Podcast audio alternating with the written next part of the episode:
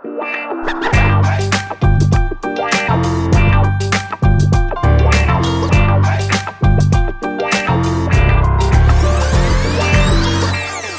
welkom bij een nieuwe aflevering van een podcast over voeding. De laatste podcast over voeding van dit jaar. En in deze podcastserie gaan we in op de wetenschap achter voeding en laten we wetenschappers aan het woord over allerlei thema's die met voeding te maken hebben.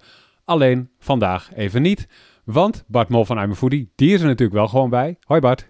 Ja, hey Arnoud. En we Ja, zijn met z'n tweetjes. present. Ja. Ja, zeker. ja, is weer lekker rustig even zo, hè? Even met, met z'n tweeën zonder gasten. Kunnen wij zelf- eindelijk ook iets zeggen? Ja. Kunnen we ook gewoon lekker babbelen. Maar misschien dat nu iedereen... Oh, oké, Jaap is niet bij, laat maar. Eh, of een andere interessante gast. Maar eh, misschien dat we mensen toch wel een beetje kunnen overtuigen... om wel even deze show te gaan luisteren. ja, want dit is heel leuk. Het is, eh, het is onze, mogen we het al traditie noemen Bart?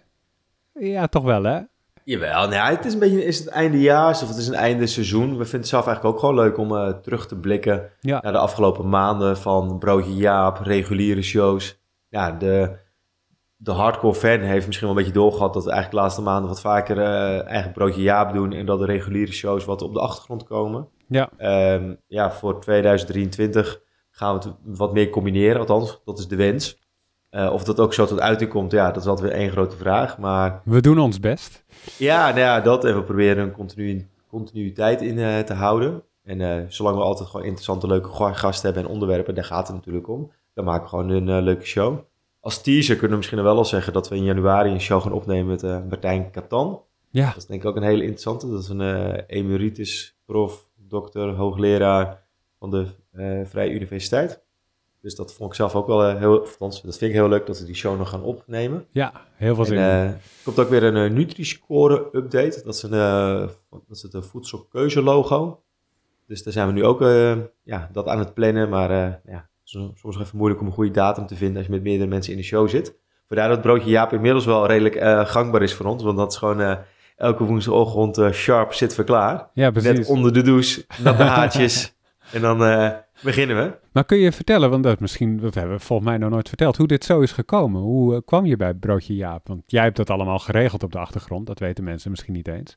Maar hoe heb je dat zo- stalken. Jaap stalken. Dat we hebben, Jaap is natuurlijk een vriend van de show. Die heeft al een paar keer eh, een reguliere show gedaan. En eh, toen dacht ik wel van, oh ja, het is eigenlijk wel inter- interessant om gewoon wat meer periodiek eh, met elkaar te zitten. En ik heb eigenlijk al begin 2022 helemaal een keer gevraagd van, goh, zou je, zou je dit willen doen? Toen was het nog even druk en focus op andere dingen. En toen dacht ik, nou, ik, ga er- ik laat het niet bij zitten. Dus ik ben gewoon gaan mailen, bellen en stalken en sms'en van, joh, ja, volgens mij moeten we toch echt een keer een pilot gaan doen. Ja, En eh, nou, toen hebben we het wel over de vakantie heen eh, getild. En dus hebben we in augustus dit jaar hebben we onder het mom van eh, tijdelijk is het nieuwe permanent, hebben we drie pilots opgenomen. En die vonden we alle drie eigenlijk inhoudelijk heel leuk om te doen en interessant ook en relevant. En we zagen het eigenlijk ook wel in de luisterstatistieken. En toen kregen we ook wel vragen online en eh, ja, dat mensen ons wel, wel wisten te bereiken. Dus toen dachten we, oh ja, nou eh, laten we gewoon weer doorgaan. Dus zodoende zijn we er nu mee doorgaan en we zijn ja, er nog steeds allemaal happy mee. Eh, Jaap ook. Dus we gaan Ja. gewoon in januari daar gewoon verder mee. ja, we hebben er inmiddels een stuk of eh 18 gemaakt, Ja. denk ik. 17, 18, zoiets. Ja. Als, je, als je naar al die afleveringen kijkt, zie je dan een soort van thema's opborrelen die Jaap vaak aansnijdt, of een punt wat hij vaak maakt? Zie je, zie je er lijn in, zeg maar? Nou, ik zie in ieder geval een lijn in dat we één vraag stellen en dat die gewoon een kwartier gaat babbelen.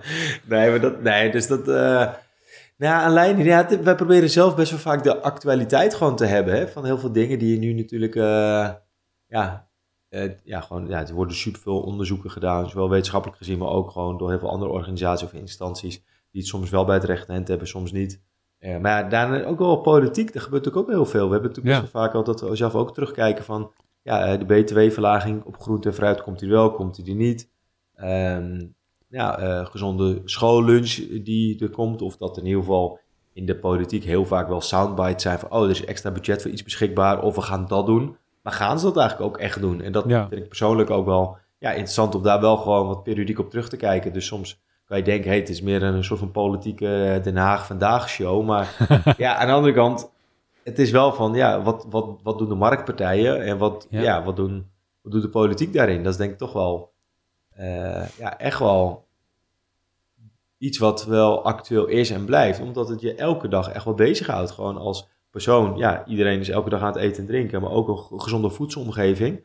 Uh, schoolgaande kinderen, weet je al, dat soort dingen. Ja, heb je fastfood, toko's in de buurt van uh, schoolomgeving. Ja, dat blijft altijd een actueel onderwerp. Dus dat, ja. het gaat heel veel mensen aan uh, daarin uiteindelijk. Dus ja, dat is misschien een beetje het langere onderwerp waar, waar het gaat. En ja, eigenlijk vliegt het van links naar rechts, maar wel altijd het haakje met de, de actualiteit. Maar dat is hoe ik het zie. Hè? Ik weet niet of jij zelf ergens een rode lijn in ziet, uh, Anna. Ja, wat me opvalt is welk onderwerp we ook aansnijden. Jaap heeft er altijd ten eerste inderdaad het nodig over vertellen. Echt wel, hij heeft er duidelijk over nagedacht. Ik vind dat heel fijn. En aan de andere kant is wat hij vertelt is ook echt interessant. Het maakt niet uit welk onderwerp het is. Hij weet altijd context te geven. Hij heeft er altijd, hij heeft duidelijk heel veel uh, geschiedenis in, in, in, in de voeding. Uh, en dat neemt hij allemaal mee. Al die, al die bagage, die, die hoor je duidelijk terug in wat hij zegt. Um, en dat vind ik echt heel mooi. Daardoor krijg je een, een breder perspectief op zo'n onderwerp waarvan je denkt, nou, dit is, hier ben je toch binnen twee minuten ben je hier wel klaar over. En dan toch um, uh, maakt hij zo'n onderwerp, uh, neemt hij een paar zijstappen, maakt hij interessante punten. En ik denk altijd aan het einde, het is zo zonde dat, dat we hem eigenlijk al afkappen na een minuut of twintig. Maar ja, dat is gewoon het format. We gaan niet drie uur door en we hebben het zo ingepland dat we die tijd niet eens hebben. Maar ik heb wel het idee dat het zou kunnen, want hij kan er zoveel interessants over vertellen en ik luister zo graag naar hem. Um, ja, ik vind het echt uh, een, een hele aanwinst voor, uh, voor, uh, voor deze podcast. Ja. Nou ja, en dat is eigenlijk ook weer dat we nu dus eigenlijk even terugkijken naar afgelopen maanden. Van welke shows vinden we leuk. En het, het, ja, spreekt voor zich. Hè. Sommige onderwerpen spreken mensen misschien niet aan. Ja, je bent niet verplicht om het te gaan luisteren, weet je.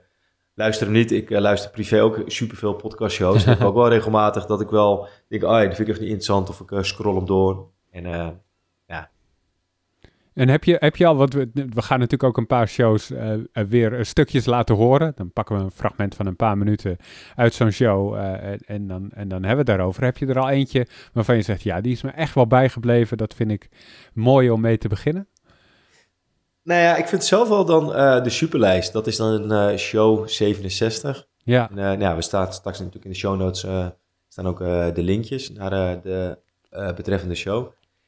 Ja, ik, ik vind het persoonlijk gewoon best wel shocking dat gewoon supermarkten super slecht blijven scoren uh, met hun promotieacties in relatie tot uh, ja, de schijf van vijf producten. En sommige mensen zeggen dan ja, schijf van vijf is van de, de jaren zeventig. Maar ja, aan de andere kant, het is wel gewoon echt een handvat voor veel mensen van goh, welke producten staan erin? Dan weet je gewoon dat, dat het bijdraagt aan gezonde uh, productkeuzes.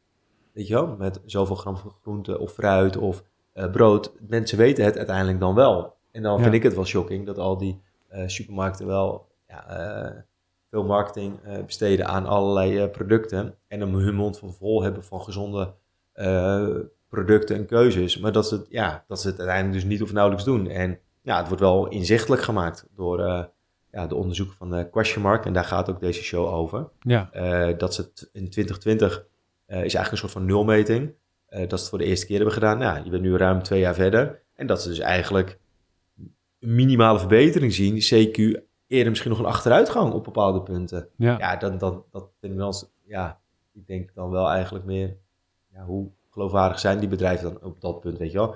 Als je bende verkoopt, ja, uh, ga dan niet, niet op een hele mooie manier vertellen dat het uh, ietsje minder bende is of zo, weet je wel? Mensen weten op een gegeven moment wel van wat ongezond is en zo. Maar ja, maak het dan allemaal niet ja, leg niet zo de nadruk op of zo, weet je. Waarom moet altijd dat koekensnoep altijd van uh, drie halen, één betalen? Waarom doe je dat niet met uh, zes appels, uh, of in ieder geval andersom, 18 appels kopen en je betaalt er zes? Doe zoiets dan, weet je wel. Maar ja, ja dat, misschien denk ik ze nu op op gedachten, maar... Ik, ik hoop het. Laten we in ieder nog even terugluisteren wat Jaap te zeggen heeft over hoe het nu gaat in supermarkten. Er zitten allerlei aspecten aan, dus ook kindermarketing. Je krijgt voor elk onderdeel krijg je een soort van score, die worden opgeteld. En dan krijg je een ranking van nou, welke doen het beste en welke doen het het minst goed. Nou, laat ons niet langer in spanning, Jaap. Twee jaar geleden was de laatste. En deze maand kwam de nieuwe uit. Twee jaar geleden had je een aantal uh, koplopers. Volgens mij was dat uh, Dirk en Coop. Uh, en er is nu vooral gekeken naar ook hoeveel beter hebben ze het gedaan dan de vorige keer. Veel beter In de tussentijd is natuurlijk in 2019 is de, het preventieakkoord getekend. Daarin hebben al die supermarkten uh, zich uitgesproken eh, voor het gezonder maken van het aanbod. Hè, dus het makkelijker maken van de gezonde keuze enzovoort. Een heleboel uh, initiatieven staan erin. Dus iedereen was heel erg benieuwd hoe ze het nu dan gedaan hebben de afgelopen twee jaar. Want dan heb je toch ruim de tijd gehad om al die voornemens te realiseren. En nu tromgeroffel. er is eigenlijk niet heel veel veranderd. Niet. Dat is eigenlijk de conclusie. Er is eigenlijk niet veel gebeurd. dus al die ambities, hè, op onderdelen wel natuurlijk wel wat. Eh, de ene supermarkt heeft het ook wat beter gedaan sinds eh, eh, twee jaar geleden dan de ander.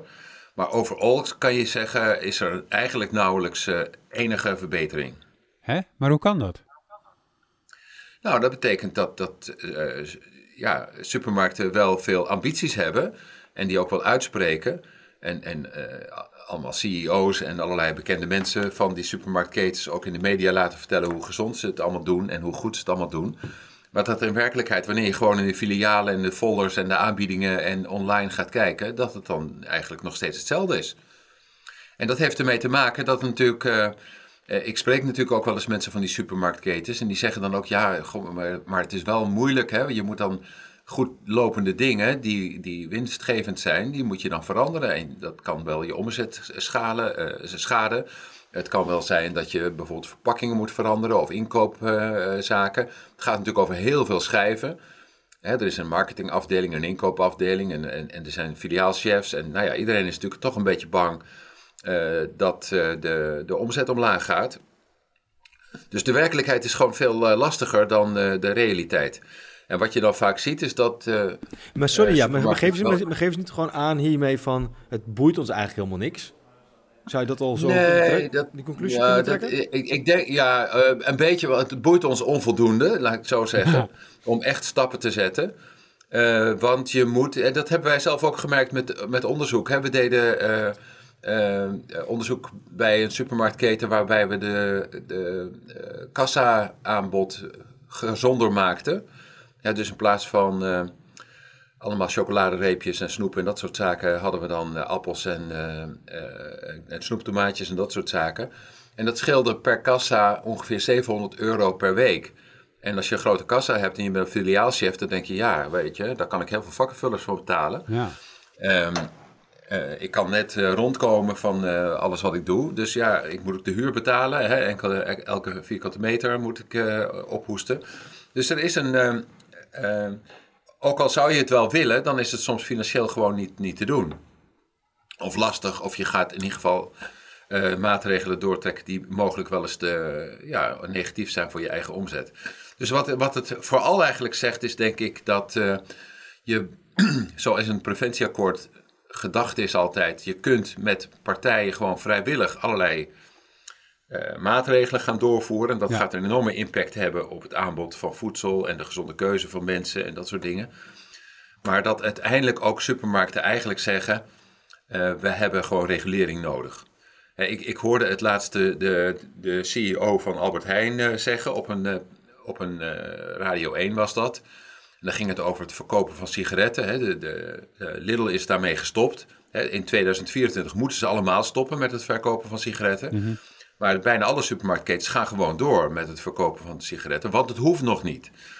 Uh, en toen vroeg die interviewer op Radio 1 ook aan mevrouw van Egmond, waar, waarom doet u dat dan niet? Ja, dat is moeilijk en keuze en je wil de, klant ook uh, ter wille zijn en dat soort dingen. Nou, een heel, heel verhaal. En hij zei ook, ja, maar als je het in 2024 moet, dan kan je toch net zoals de Lidl gewoon ook het nu al gewoon invoeren. Uh, maar ja, dan zie je toch dat uh, het gaat natuurlijk toch om omzet en uh, mensen wachten tot het echt heel erg moet. Hè, dus je kunt met elkaar afspreken, we gaan het niet meer doen. Maar pas als het echt wettelijk verboden is, gaan supermarkten echt stappen zetten. En dus de, de betere niet te nagekomen. Hè? Dus er zijn natuurlijk best supermarkten die wel wat doen en die ook goede stappen zetten. Maar echt een, eh, een verandering naar gezonder aanbod, uh, waarbij de aanbiedingen ook vaker gezond zijn, waarbij op de goede plekken ook gezonder aanbod is, er geen kindermarketing is, dat soort zaken. Ja, dat heeft echt regulering nodig. En dat zei die mevrouw van Egmond op de radio ook. Die zei, ja, weet je, uh, uh, het is heel goed dat het verboden is. En misschien moeten we het dan wel eerder doen. Hè? En dan eerder verbieden, dan gaan we het ook echt wel doen. Ja. Want zij heeft het dan ook over het zogeheten level playing field dus als Albert Heijn stopt met het verkopen van super, van sigaretten, dan gaan ze allemaal naar de Jumbo. Ja. die klanten die graag sigaretten bij de supermarkt kopen. En als de Jumbo er ook mee stopt, dan gaan ze naar de, de co-op, ik noem maar wat. En ehm, dat is oneerlijke concurrentie, vinden ze dan. En dat willen ze pas, als iedereen het tegelijkertijd doet, gaan ze het doen. en dat is eigenlijk een pleidooi ehm, richting de staatssecretaris. Als je een preventieakkoord wil hebben wat ehm, tanden heeft, hè, wat echt impact gaat hebben, dan moet je gewoon veel meer gaan reguleren. En niet vrijwillige afspraken hebben die je ze ooit eens nakomen en als je niet doet, dan is het nog niet erg.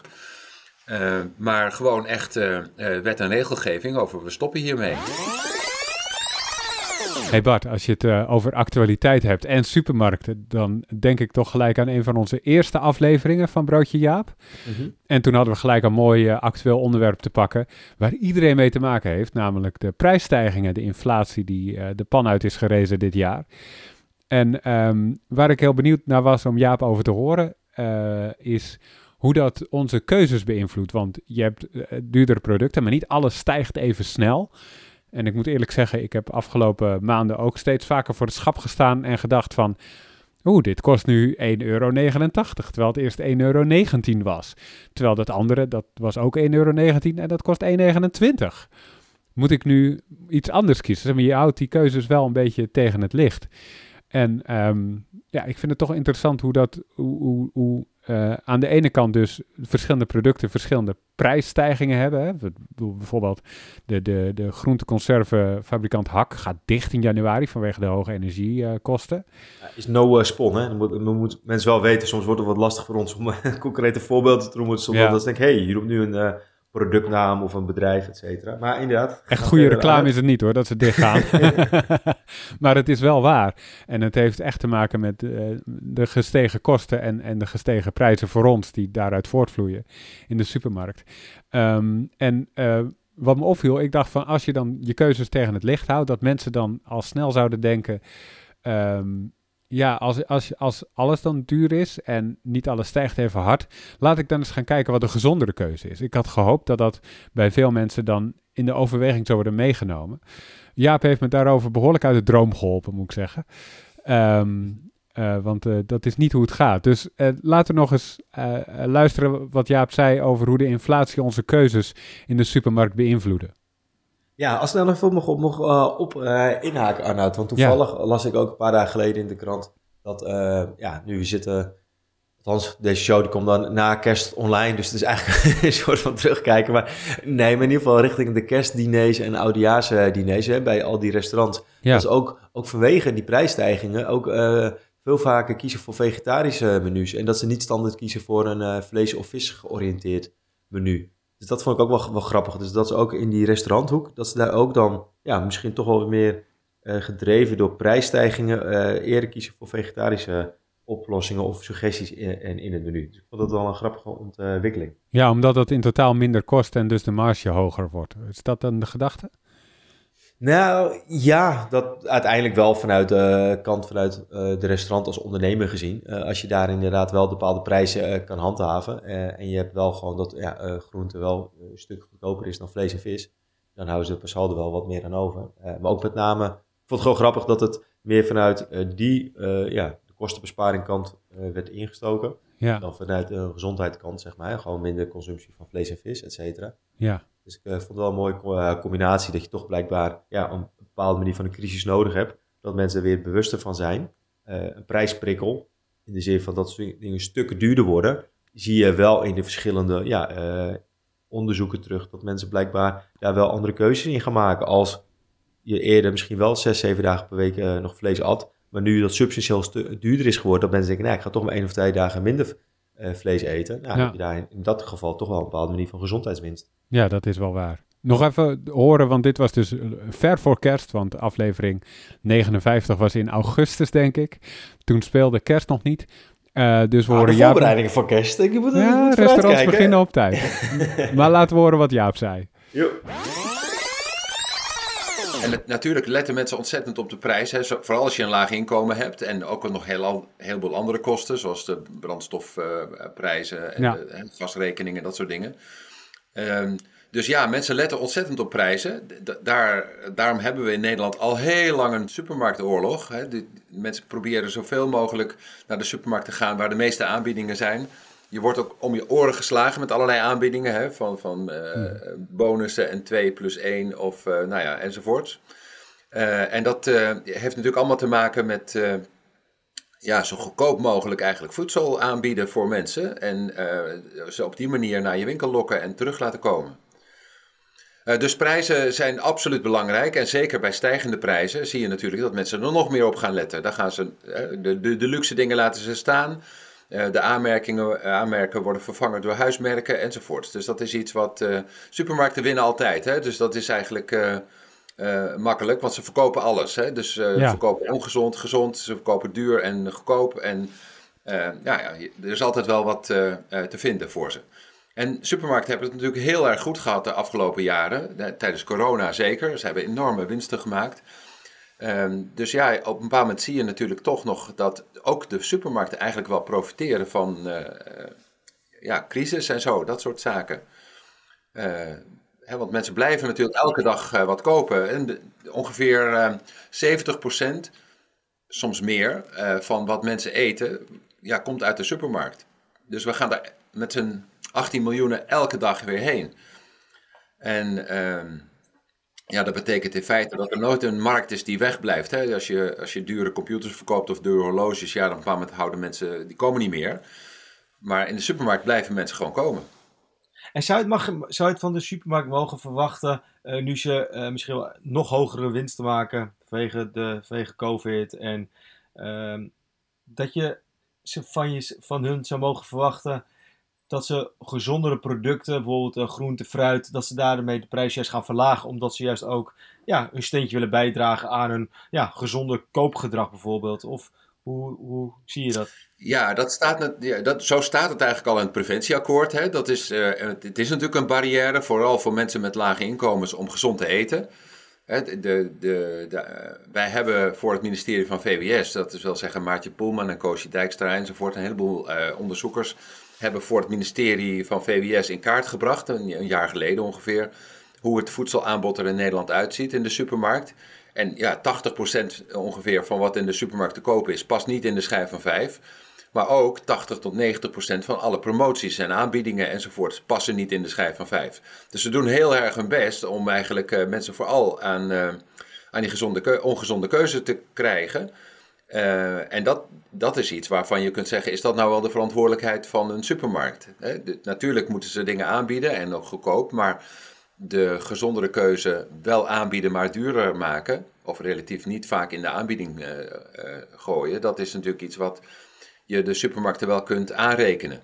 En dat is wel iets wat ook ter discussie staat. Hè? En je zag dat ook in in Engeland, waar ze een doortastend beleid hadden, nog twee jaar geleden, waarbij ze op een paar moment gezegd hebben: al die goedkope uh, rommelvoeding, die moet eigenlijk niet in de aanbieding. Daar moet je geen uh, grote verpakkingen van hebben en twee halen, één betalen en dat soort zaken. Dus dat was ook een, uh, een wet. Maar vanwege de economische crisis is die nu weer ingetrokken. Oh. dat wil zeggen dat de overheid daar zegt van ja, je kunt beter goedkoop rommelvoedsel eten. Hè, want dat is goedkoop. Uh, en laten we dat vooral niet te duur maken. En dat, ja, dan zie je eigenlijk ook dat de, de, de lobby van de industrie en de producenten van dat soort voedsel natuurlijk daar ook een heel belangrijke vinger in de pap hebben.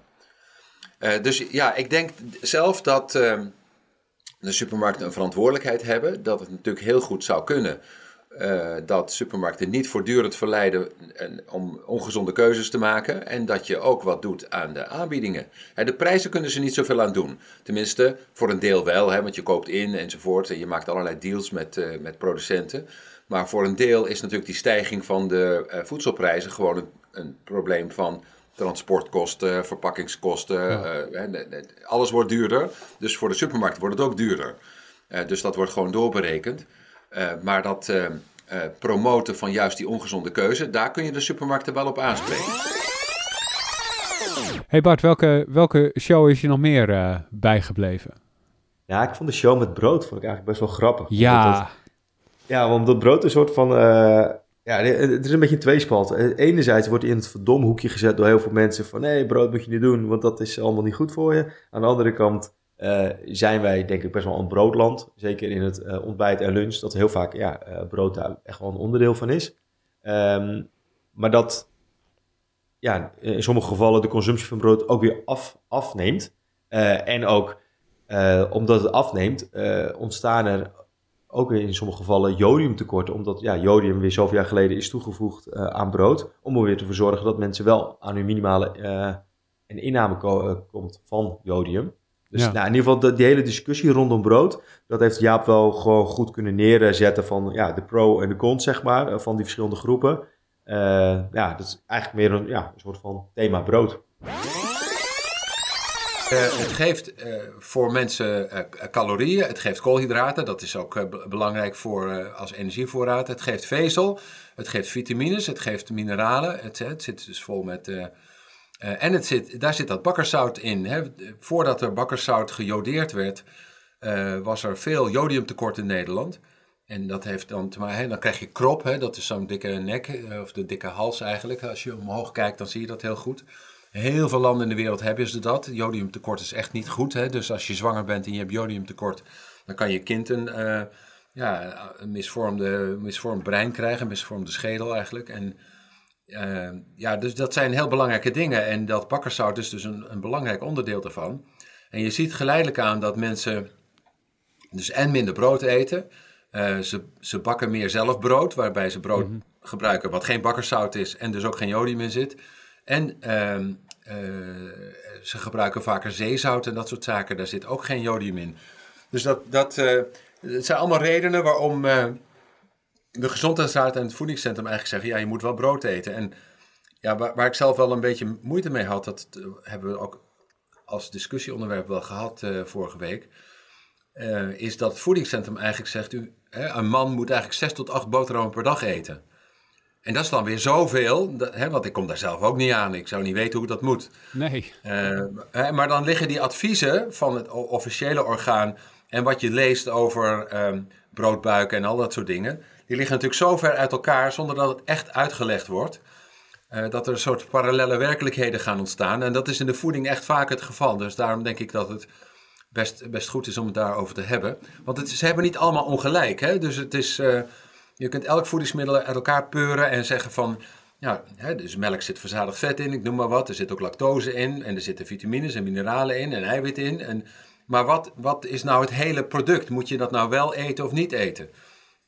En dan kun je natuurlijk een boek schrijven over hè, lactose-intolerantie, of over eiwitallergie, of over eh, eh, calcium en dan weet ik veel wat. Maar het gaat natuurlijk om het intacte voedingsmiddel. Er is niemand die die onderdelen daarvan eet. En dat geldt voor brood Ja. natuurlijk ook. Het is niet onwaar dat er gluten zit in eh, brood. En er zijn mensen die gluten intolerant zijn. Eh, Gelukkig komt daar niet veel voor, maar die moeten absoluut geen brood eten. Ook geen wit brood, maar ook geen volkoren brood. Ehm, eh, eh, koolhydraten is ook zo'n ding. Hè? Dus daar, da- daarvan. Ehm, eh, ko- koolhydraten hebben ook een slechte naam gekregen. Hè? Want koolhydraten zouden ook de eh, oorzaak zijn van obesitas, van diabetes, hart- en vaatziekten enzovoort. En ehm, al, dan heb je het bij brood en ook bij groenten, daar, daar worden dan ook die boeken over geschreven, heb je de zogeheten antinutriënten. Dat is een, eh, een woord wat ik vroeger helemaal niet kende, maar wat ik nu de buurvrouw ook hoor vertellen. Ja, meneer Zeidel, u zei dat gisteravond op tv, maar er zitten antinutriënten in, toch? Dan denk ik, ja, wat bedoelt u daar nou mee met antinutriënten? Nou, dat zijn eh, eh, stoffen zoals lectines. Eh, die zitten van nature in allerlei voedingsmiddelen, vooral plantaardige voedingsmiddelen. En je hebt oxaalzuur en je hebt vitinezuur. Dat, dat leerde ik vroeger op de universiteit ook wel. En dat, dat remt de opname van bijvoorbeeld mineralen. Dus als je in, in, in Egypte keek, daar hadden kinderen heel veel krop, maar ze aten ook heel veel ehm, brood met, met veel vitaat, zoals dat dan heet, of vitinezuur. En dat bond dan ijzer en zink en allerlei andere dingen. Daardoor hadden die kinderen daarnaast ook nog zo'n tekort. Eh, dus het is allemaal wel waar. Hè? Dus er zitten allemaal voedingsstoffen in planten, eh, zoals groenten, eh sojabonen en, en brood en aardappelen. En, en die lectines, hè, daar, als je daarvan kijkt wat er in de wetenschappelijke literatuur is, nou dan zou dat in hoge mate, hè, dat is ook een soort van ja, eh, eiwit wat niet opgenomen wordt in de darm, maar wat, eh, zoals ze dat in, de, in het Engels mooi zeggen, leaky gut, veroorzaken. hè, Dus gaatjes in je darm waardoor het gaat lekken. En dan krijg je een auto-immuunziektes van en dat soort dingen. Dus ja, dat is ook allemaal waar. Hè? Dus het is, eh, die, die- al die stoffen zitten in gewoon eh, intacte voedingsmiddelen. En Bart, eh, de- over brood, dat is natuurlijk wel heel duidelijk, want het is, eh, het is een, een product wat iedereen kent. Wat me eh, eh, bij is gebleven van al die broodjes Jaap tot nu toe, is dat definities rond voedsel, die liggen altijd ingewikkelder dan dat ik denk. Brood is altijd brood, dat weten we. Maar ehm, we hebben ook een show gemaakt over ultra bewerkt voedsel. Nou, wel meerdere eigenlijk die erover gingen. En ehm, daarbij speelde ontzettende vraag. Wat reken je daar nu onder en wat niet? Wat is, wat is jou daarvan bijgebleven? Nou, ik vond het wel eh, interessant dat Jaap eigenlijk ook meer ook een oproep deed ook naar, naar de luisteraar van, goh, ja, meng je ook in de discussie van wat is dan ultra bewerkt voedsel? En dat deed mezelf ook weer denken aan die eh, show van Kees de Graaf, die we denk ik ja, twee seizoenen geleden hebben opgenomen. Uh-huh. Dat hij toen ook stelde, volgens mij, als ik me goed herinner, dat bijvoorbeeld ehm, tomaatjes of zo, of groente was ook bewerkt voedsel. En op een gegeven moment denk, ja, nee, maar ja, in mijn perceptie is bijvoorbeeld gewoon snoep, een koek, dat bestaat voor een groot gedeelte uit suiker en vet. En eh, dat ik denk van ja, dat is naar mijn idee eh, bewerkt voedsel. Als ik dan zie op de ingrediëntenlijst dat daar een stuk of 15 ingrediënten in zit, dat zie ik dan als bewerkt. Ja, op een gegeven moment als je daar dus op gaat inzoomen, van ja, wat is dan bewerkt en wat zie je dan als een bewerking? Dus dat je gewoon eigenlijk weer met hele ja, eh, frisse ogen ernaar kijkt en dat je daar dus wel met elkaar in discussie bent. Van goh, wat is dan voor ons nu de definitie van ultra bewerkt voedsel? Ehm, en ook in dan misschien even iets breder getrokken is natuurlijk dat hele discussie met eh, groente en fruit. Ja, Dat de B2-tarief daarop eh, wellicht op nul wordt gezet. Is natuurlijk ook inderdaad als jij, ehm ja, weten talloze producten wel, dat daar in wordt gezet, dit is een, een, een appelkoek. En dan is er eh, 0,1% appel zit erin. Maar de rest van, de, van het product zit vol met allerlei eh, vetten, suikers en eh, ja, noem allerlei andere eh, ingrediënten. Wat in ieder geval geen appel is. Maar ja, verkondig dan niet dat het een gezonde tuss- tussendoortje is. precies. Ja, laten we nog eens horen wat Jaap te zeggen heeft over wat ultra bewerkt voedsel wel en niet is. Ja, en hoe, hoe is dat voor jou dan? Heb jij nu wel andere keuze daarin gemaakt? Of heb je daar dan tussentijds een andere mening op nageslagen? Omdat dit is show 66, dus ook weer een tijdje geleden. Ja, ik moet wel zeggen, ik, sta ook met dit sta ik weer iets anders in de supermarkt. Ehm, eh, want ik dacht altijd, nou, dit is heel makkelijk. Want als je gewoon, zeg maar, het groente of fruit herkent, ja, dan is het gewoon groente of fruit. En als je het niet herkent, is dat het niet. Maar dat klopt toch ook weer niet altijd. En ehm, eh, ik merk gewoon dat ik vaker ehm, eh, bij dingen met een verpakking eventjes de verpakking omdraai en de ingrediëntenlijst erbij pak. Om te kijken eh, wat er dan precies is gebeurd en wat erin zit.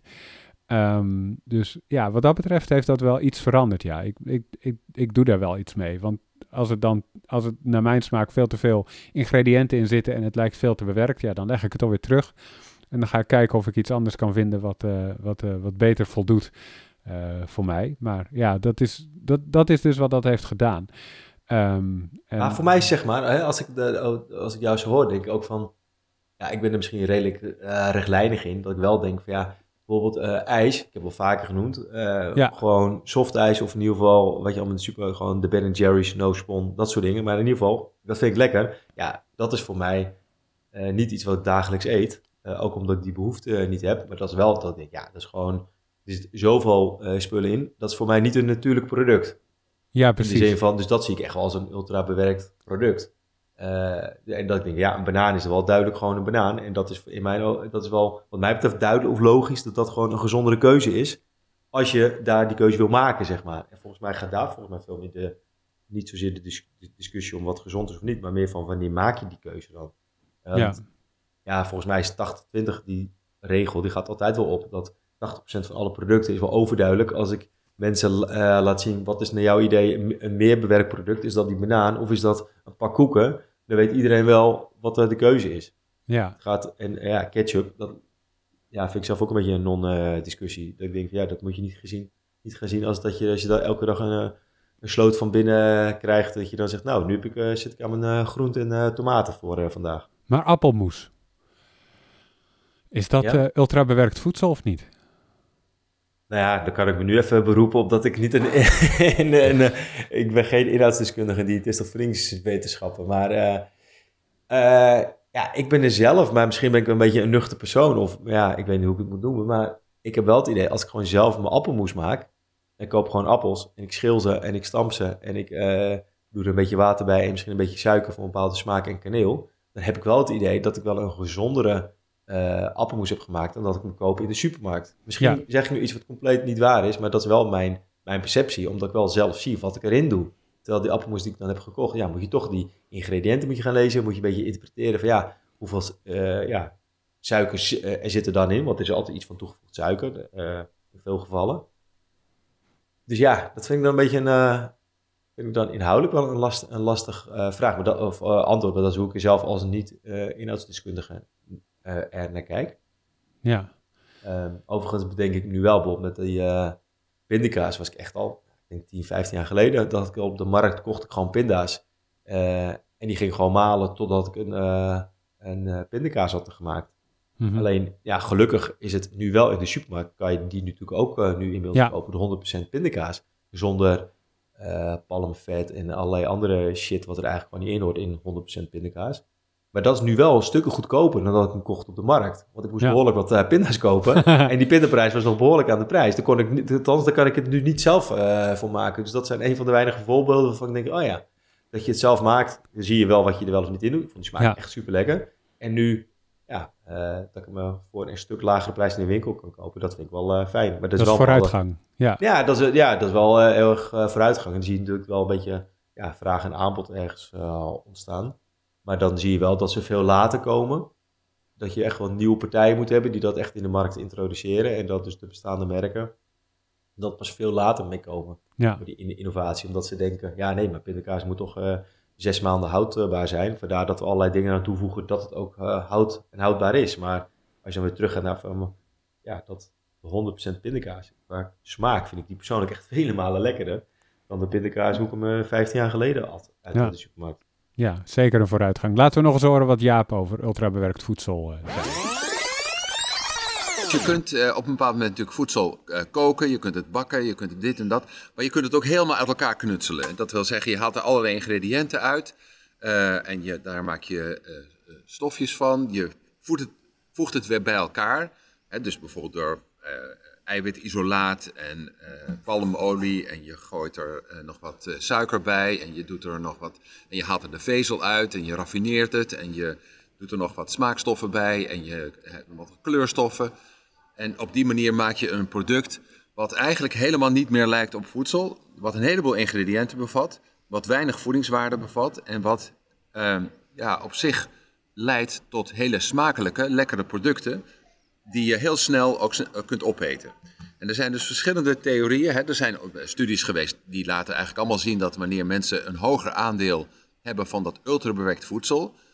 En als ik het, als ik het heb over ultrabewerkt voedsel met mensen, dan zeg ik uh, vaak, ja, nou, dat is chocolade en, en snacks en nou ja, al dat soort zaken.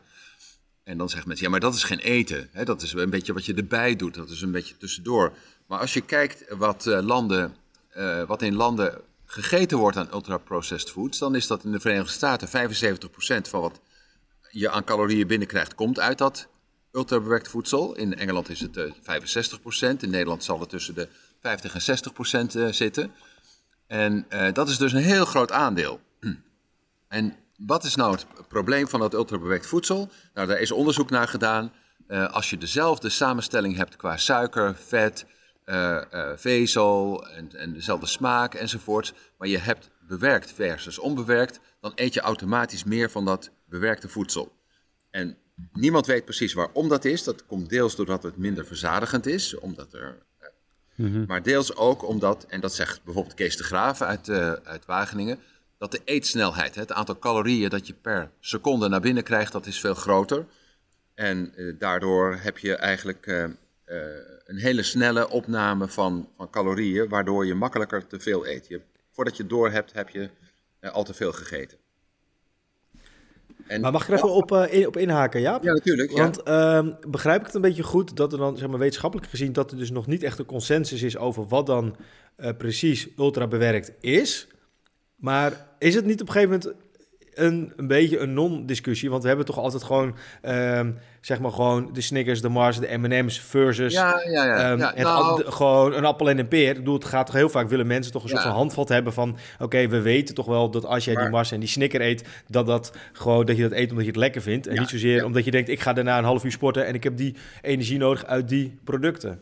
Dat is zo. Maar als je kijkt naar die lijst van eh, bijvoorbeeld de Nova Classification, die wordt wereldwijd het meest gebruikt, daar wordt ook het meeste onderzoek naar gedaan. Dan staan daar ook op fabrieksbrood, daar staat ook op margarine, daar staat ook op, weet je wel, allemaal van die producten waar wij ook heel veel van eten en waarvan we zeggen dat het heel gezond is. Eh, en dan is dus de vraag, geven wij dan de verkeerde adviezen? Hè? Want als je boter vergelijkt met margarine, dan zit in boter eigenlijk alleen maar nou ja, twee of drie ingrediënten en bijna niet bewerkt.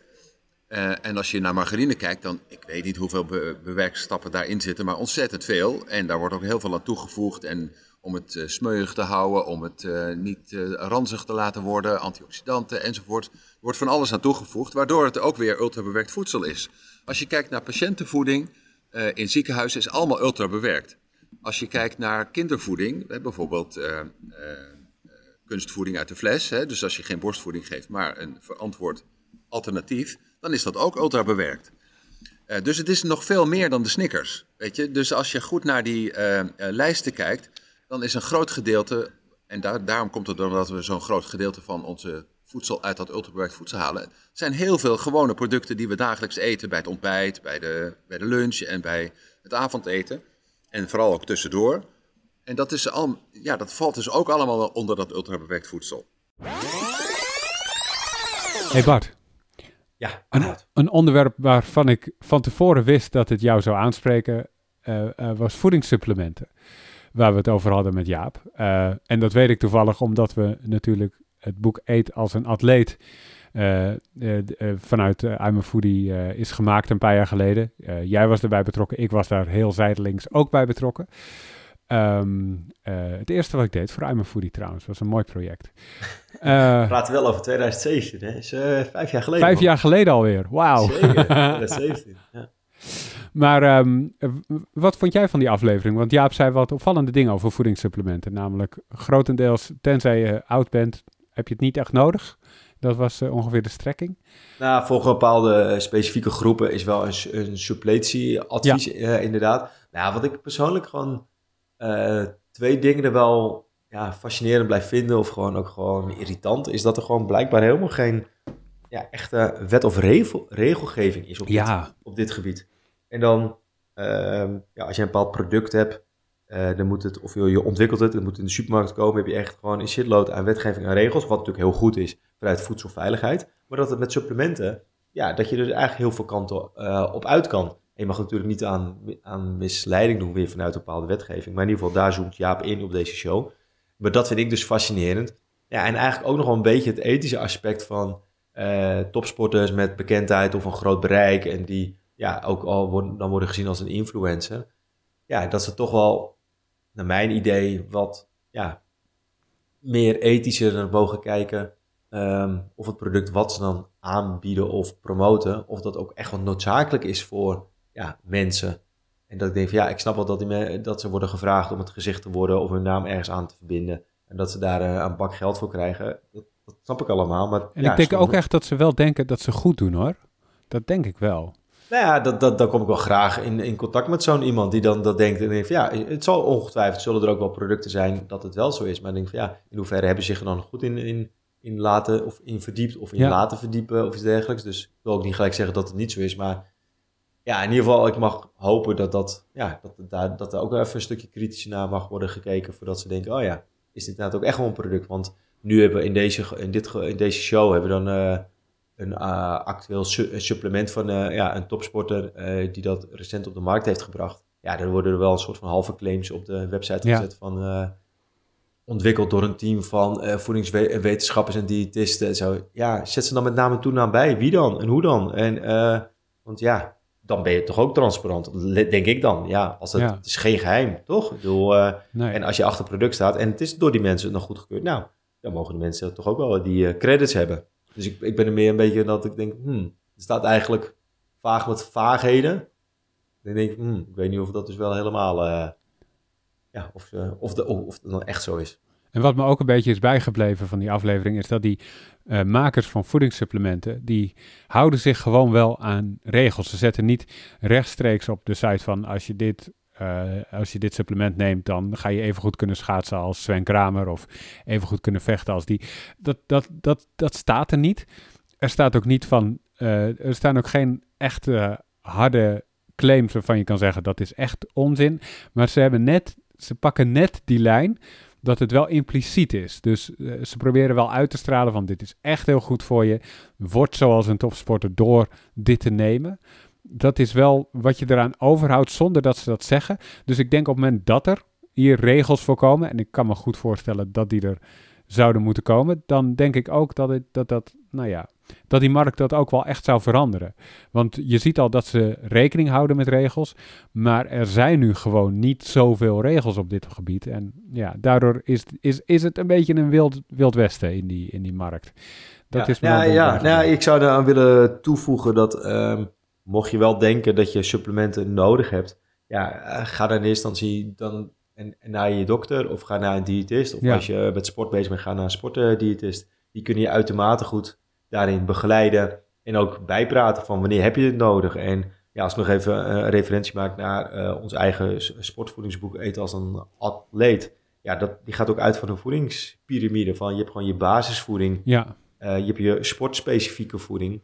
En het topje van de ijsberg is dan de supplementen. En dat is ook, ja, daar, daar kom je echt wel in een expertisegebied in van laat je goed informeren. Wat heb je nodig? Soms zit er al heel veel voedings- of eh, wat is het, mineralen en vitamine in verschillende producten. Dus dan ga je misschien iets nemen wat misschien al gewoon dagelijks al in je voedingspatroon zit. En ja. ja, het is zo jammer, want ja, voedingssupplementen, als je dat uh, googelt en zo, ik bedoel, daar vragen echt de hoofdprijs voor. Het is gewoon zonde van je geld. En heel vaak ga je daar het doel niet meer halen die je misschien wel voor ogen hebt.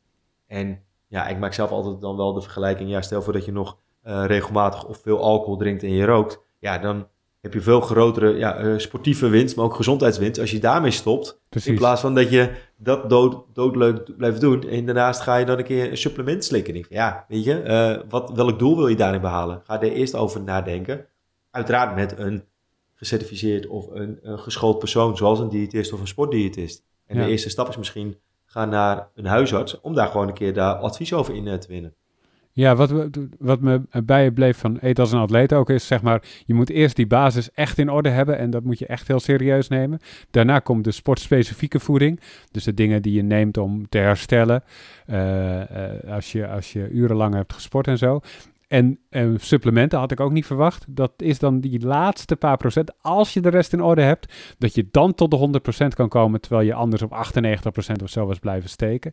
Maar ja, als je dat toevoegt terwijl je basisvoeding niet in orde is.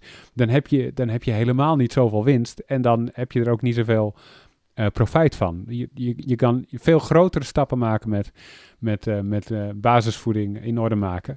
Um, dus ja, en, en uh, het wordt ook uh, tijd dat we Jaap er weer bijhalen. En uh, hij vertelt in dit fragment waarom er zo weinig regels zijn voor supplementen.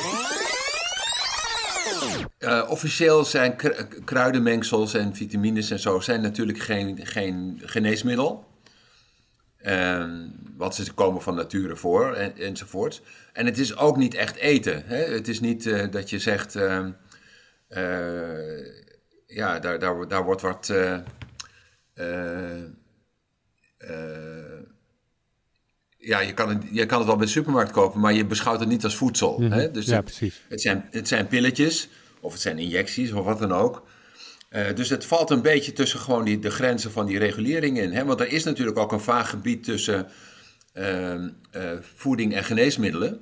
Hè? Dat is niet altijd duidelijk. Hè? De, als je in die markt kijkt, een tijd geleden was dat heel erg hip. Hè? Dan had je het over nutraceuticals. Hè? Dat, dat, daar gingen die bedrijven allemaal dat ontwikkelen. Dan ga je een voedingsmiddel maken waar bepaalde vetzuren in zitten of bepaalde dit en dat en verrijkt met zus en zo. En dan zitten er ook nog wat bioactieve stoffen in. Ja, wanneer is nou zo'n voedingsmiddel nog een gewoon een, een product om te eten en wanneer is het een farmacologisch product?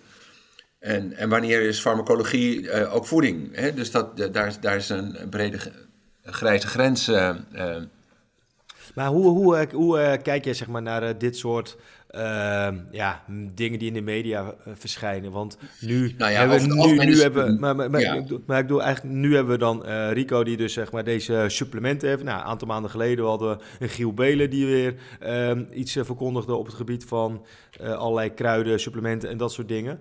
Um, zie je het eigenlijk meer van ja, het is wel echt schadelijk wat ze verkondigen. Dus daar moet er echt wel ja, moet iets tegen gebeuren qua regulering of iets dergelijks. Of is het meer van dat je, ja, ze verkopen gewoon van, oké, als je deze supplementen slikt, dan ga je er ook zo mooi sterk en gezond uitzien als mij. Dus doe het maar zodat het, ja, dat, je dat meer sneuvelt voor de mensen, omdat ze daar echt in geloven, terwijl het compleet geen ja, wetenschappelijke onderbouwing heeft. Want ze zeggen wel van, uh, wat, stond er nou? Uh, ja, dit, het zou zorgen voor een verbeterd cognitief vermogen en geheugen. Ja, dat is ja, dat is een echte gezondheidsclaim. Hè? Dat moet je dan echt onderbouwen. Als je dat als margarinefabrikant op je margarine zou zetten, uh, wat ook overigens gebeurd is, hè? dus Unilever heeft dat een tijdje geleden op, op zo'n uh, omega-3 vetzuur verrijkte margarine gezet. En dat mocht niet van de EU. Hè? Dat, dat, dat mocht echt niet. Uh, dat, dat, dat was onvoldoende bewezen dat dat ook zo was. Ehm, dus ja, nou, ja, er is wel een aantal dingen over te zeggen. Hè? Dus misleiding, dat zou niet mogen. Kijk, dat, dat je bekende sporters en, en uh, uh, bekende Nederlanders of wat dan ook uh, gebruikt voor de marketing. Ja, dat is nou eenmaal zo. Hè? Dat mag alleen bij kindermarketing niet. Ze mogen dus, die sporters mogen geen, geen chips meer aanbevelen. Maar tenminste in Nederland is dat zo. Maar Messi en, en zo, hè, die Dat is nu wel een verboden woord, hè, Messi. Die, mensen die gaan dat sowieso niet meer kopen, waar zijn afbeelding ja, op staat. Dus dat is een natuurlijke selectie. nee, maar ik bedoel na af, afgelopen week. ja, ja, nee, is ook zo'n Messi-burger en zo, hè. Dus dat ja, is nee, wordt niet meer verkocht in dus, Nederland.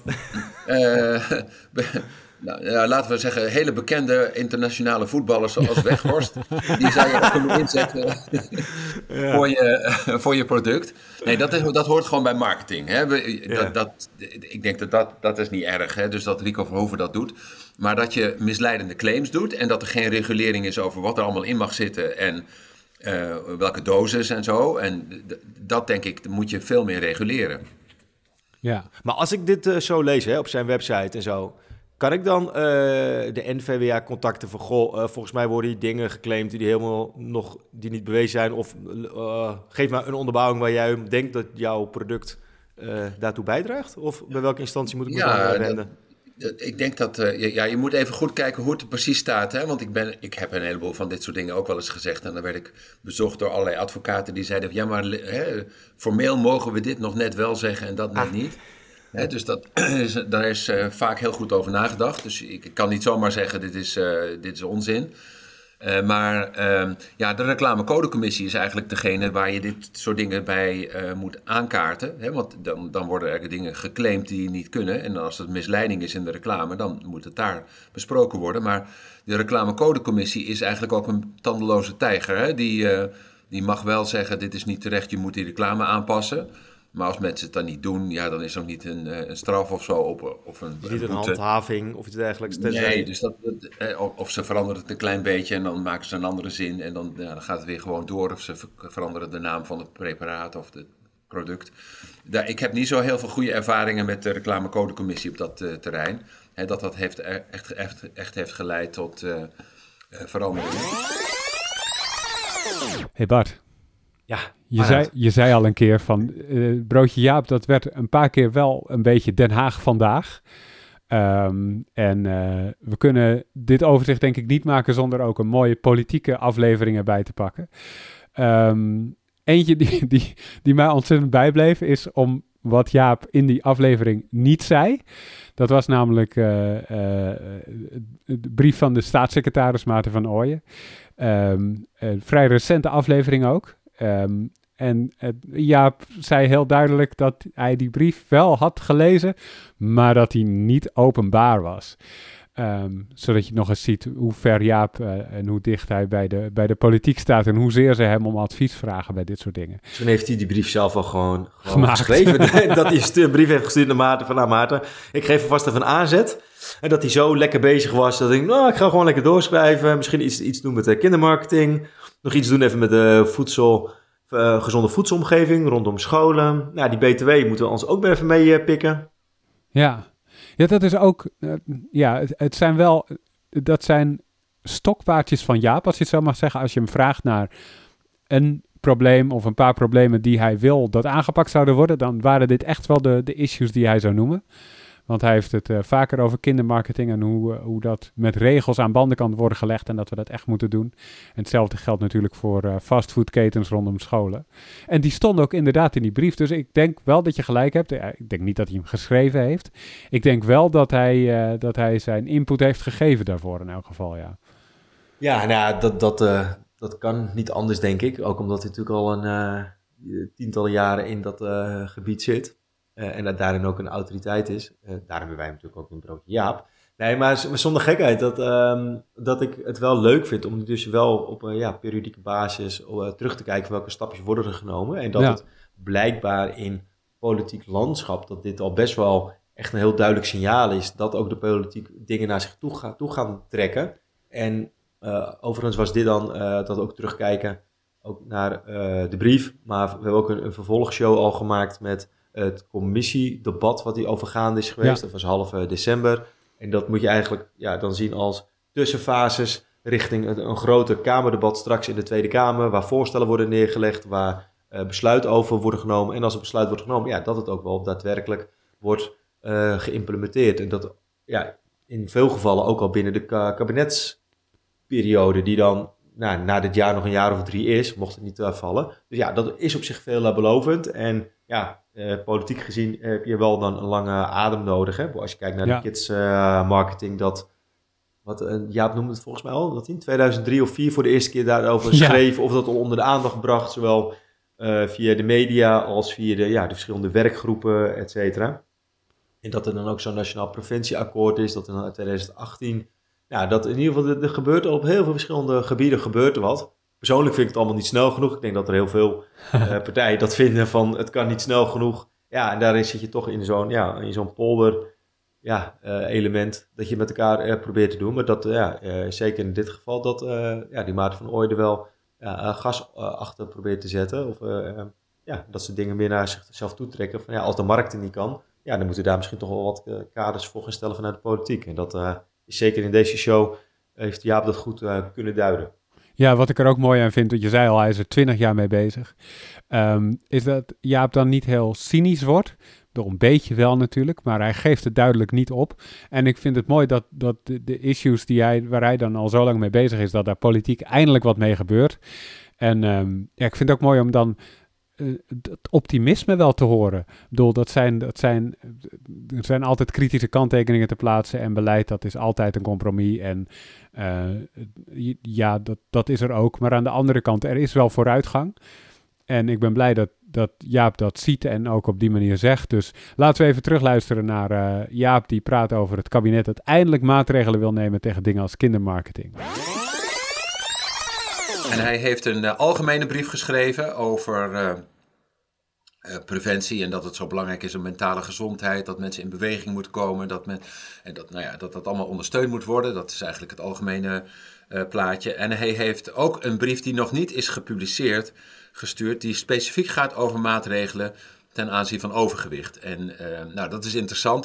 RTL heeft dat uitgelekt, of dat heeft, dat, heeft dat gepubliceerd. En dat is natuurlijk gelekt op een of andere manier. Dus de brief zelf die, uh, heeft nog niemand uh, gezien, maar die zal uh, worden verspreid vandaag, denk ik. Maar we weten dus wel wat erin staat. En dat zijn opmerkelijke dingen, omdat het zaken zijn waar wetenschappers en mensen uit de volksgezondheidshoek en zo al jaren voor pleiten. Hè, dat de overheid echt ook meer moet doen. Dat het toch een illusie is om te denken dat het bedrijfsleven op een bepaald moment gaat zeggen: Weet je wat, we gaan stoppen eigenlijk met die ongezonde uh, rommel verkopen. We gaan het eigenlijk uh, gezonder maken, of we gaan, het, we gaan de porties kleiner maken. We gaan geen intensieve marketing voor toetjes en ontbijtgranen meer richten op kinderen. We gaan daar gewoon mee stoppen. dat gebeurde niet en dat is ook niet zo raar, want dat is niet waar, waar het bedrijfsleven voor is. En de overheid deed eigenlijk niks. Hè. Die, die heeft eigenlijk altijd als idee zelfregulering. en dat betekent dat de maatschappelijke partijen zelf met elkaar overeenkomen van, weet je wat, voor gezondheid is toch veel belangrijker dan de economie en de winst en zo. Laten we daar uh, uh, met elkaar een goed plan voor maken. En dat plan is er nooit gekomen. Uh, en dat, ja, de, eigenlijk wat staatssecretaris zegt is een aantal, aantal opmerkelijke dingen. Eén is een verbod op kindermarketing tot 18 jaar. Ehm, en dan staat er overal in een zinnetje achter, ja, dat moet juridisch nog wel uitgezocht worden hoe we dat moeten doen dan. Ja. bijvoorbeeld, uh, hoe doe je dat dan op social media en welke producten dan wel en welke niet en zo. En dat moet dan allemaal uitgezocht worden. Een andere is uh, prijsmaatregelen. een opmerkelijke is ook vestigingsbeleid van gemeenten, dat die fastfoodketens rond scholen kunnen weren, of ongezonde voedselaanbieders moet je eigenlijk zeggen. Want fastfood is maar één, één onderdeel. En uh, ja, dat, ook daarvan werd meteen gezegd, dat ligt juridisch wel ingewikkeld. Um, hè, en, en dus kun je eigenlijk wel al uh, voorspellen dat het nog wel even gaat duren. Hè? Dus we weten al dat de BTW op groente en fruit, die moet naar beneden. Maar er gaan nog jaren overheen voordat we weten wat groente en fruit is. Mm -hmm. uh, de suikertax, dat is ook ingewikkeld. Hè? Moet de fruitsap er nou wel of niet bij? daar, daar wordt er ook juridisch worden daar de messen over geslepen. En, uh, maar het zijn in ieder geval belangrijke signalen. Hè? Dus dat de overheid zegt: help, we, we, moeten echt wat doen. Um, in Engeland hadden ze dat al een tijdje gedaan. Daar hebben ze het weer afgeschaft. Uh, de, uh, de huidige minister-president en de voorgaande, hè, Liz Truss, die hebben alle maatregelen die bedacht waren om overgewicht tegen te gaan weer geschrapt. Met als uh, onderdeel dat is en slecht voor het bedrijfsleven en slecht voor de mensen. Uh, we willen eigenlijk uh, dat uh, juist ook mensen in armoede en die nu weinig geld hebben en ook hun rekeningen niet kunnen betalen als het gaat om de gasprijzen en zo, willen we eigenlijk weer toegang geven tot allerlei goedkope junkvoedsel. Want daar, ja, dat is het enige wat ze kunnen betalen. Dus dat zijn, dus hier gebeurt het tegenovergestelde. Ik, ik, was in Engeland vorige week en terwijl we erover spraken dat de Engelse overheid allerlei maatregelen af ging schaffen, kwam die brief van de staatssecretaris binnen en kon ik triomfantelijk melden, melden dat wij precies tegenovergestelde conclusies hebben getrokken. Dat je namelijk juist wel uh, uh, de wetgever uh, moet gebruiken om ja, een gezondere omgeving te creëren. Dus dat is heel belangrijk. Ja. Uh, ja, is, is, is dit dan nu een mijlpaal of een mijlpaaltje? Nou, Als je dat ziet dat hij dit wel uitspreekt op papier. De, de, overheid heeft altijd gezegd, nee, we komen er samen wel uit. Het bedrijfsleven gaat het zelf doen.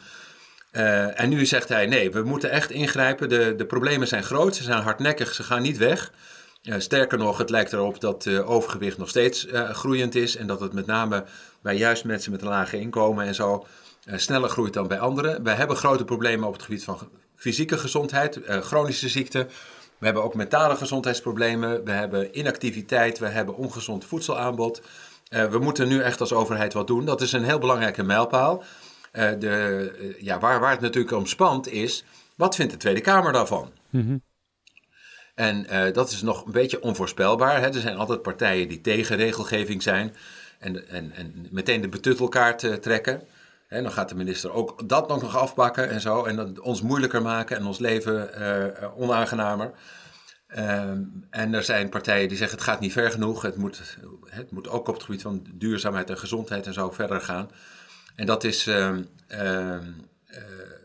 ja, dus dat wordt spannend. Waar de, waar, hoe die debatten worden gevoerd en uh, waar moties worden ingediend. Of, het, of de Tweede Kamer het beleid, beleid steunt van de staatssecretaris. Ja, had je dit verwacht, Jaap? Ja, eigenlijk wel. Want ik zit in, in, in die groepjes rondom het preventieakkoord. En daar werd natuurlijk al, al, lang gesproken over de brief. En er zijn ook allerlei versies al geweest. We moesten allerlei cijfers en, uh, en dingen aanleveren. Uh, maar het is altijd weer spannend of die dan ook werkelijk wordt uh, verstuurd mm-hmm. en, en behandeld. Want er is natuurlijk toch, dat, dat merkte ik bij de vorige staatssecretaris, die zei ja, ik heb het wel opgeschreven, ja, maar ik ga het niet versturen. Want eh, ten eerste zijn mijn coalitiegenoten in het kabinet het niet met mij eens. Dus daar heb ik sowieso al geen groen licht voor. De Tweede Kamer krijgt geen meerderheid. Uh, de partijen die samen in zo'n preventieakkoord zitten, die dreigen met opstappen. Dus wat heb ik eigenlijk te winnen met zo'n brief? Weet je? Dus ik ga drie werf verliezen. Ehm, en die heeft het toen eigenlijk uh, pas op het einde heeft hij zo'n brief gestuurd en gezegd: Mijn opvolger moet eigenlijk ervoor zorgen dat er nu daadkrachtiger wordt ingegrepen. Uh, dat is heel gebruikelijk in de politiek om te zeggen: ik zie nu dat de problemen groot zijn en mijn opvolger moet het doen mm aan het einde van de kabinetsperiode. Maar dat is dus nu ook gebeurd. En we hebben gelukkig een staatssecretaris die een rechte rug heeft en ja, dit soort dingen durft te doen. Hè? Want dat is toch, er is toch wel enige moed voor nodig om dit soort maatregelen, hè, die toch gaan over het ingrijpen in de fysieke omgeving. die wettelijke maatregelen aankondigt die de, ja, de vrijheid van het, het eh, bedrijfsleven eigenlijk inperkt. Ja, het was een eh, top 6 geworden volgens mij. Hè? We hadden een top 5 bedacht, maar we hebben er nu 6 doorgenomen. Zo gaat dat toch, hè? Ja. Ja, en uh, het, een mooi rijtje. En dan zie je ook de diversiteit aan onderwerpen die erin zit. Uh, het gaat over voeding in, in een heel brede zin, van supermarkten tot aan politiek tot aan, tot aan sport. Uh, een mooi rijtje, denk ik. Ja, zeker. Nou, uh, al pratende, dan is het ook wel leuk om te ervaren. Denk, dat je eigen kennis er ook wel een beetje gewoon toeneemt. Dus dat vind ik zelf eigenlijk ook gewoon het meest interessant en leuk. Dat je op die manier er ja, elke dag toch mee bezig bent. En dat je er langzaam een verbetering ziet. Met ja. verschillende invalshoeken. Ja, en uh, wat ik natuurlijk nog uh, tot slot wil zeggen, wat heel mooi zou zijn voor het nieuwe jaar, is als je vriend van de show wordt. Want dan kunnen we steeds meer van dit soort shows maken en, uh, en ze steeds beter maken. Dat kan op vriendvandeshow.nl slash POV. Vriendvandeshow.nl slash POV. Um, en ja, dan, dan kunnen we nog veel mooiere dingen doen, toch Bart? Ja, zeker. Dan kunnen we misschien nog vaker shows doen. Of nou ja ik weet eigenlijk niet wat we er nog meer mee kunnen maar in ieder geval gewoon nog, nog meer shows. En kunnen ook, we doen nu heel vaak een remote show. Dat wil zeggen dat we, ja, we zitten eigenlijk allemaal op je eigen locatie. Ja. Misschien kunnen we ook wel eens een keer een live sessie doen. Lijkt me eigenlijk ook een keertje leuk. Ja. Ja, we hebben het ook al vaker over gehad. Desnoods, desnoods bij voorkeur met publiek. Dat zou ook heel leuk zijn om een keer te doen. Anyway, dat zijn allemaal plannen die dan volgend jaar hopelijk het, het levenslicht gaan zien. Wat ik tot slot natuurlijk nog wil zeggen, uh, als je deze podcast nou leuk vindt, geef ons uh, een mooie recensie en sterretjes in je favoriete podcast app. Dat helpt anderen weer om ons te vinden, zou heel leuk zijn. Fijne oud en nieuw als je dit luistert, voordat het oud en nieuw is. En dat hoop ik wel, want hij komt uit voor oud en nieuw, dus dat kan prima. Geniet ervan, uh, wees voorzichtig met vuurwerk, blijf veilig. en ja, wat, wat wil jij nog zeggen Bart?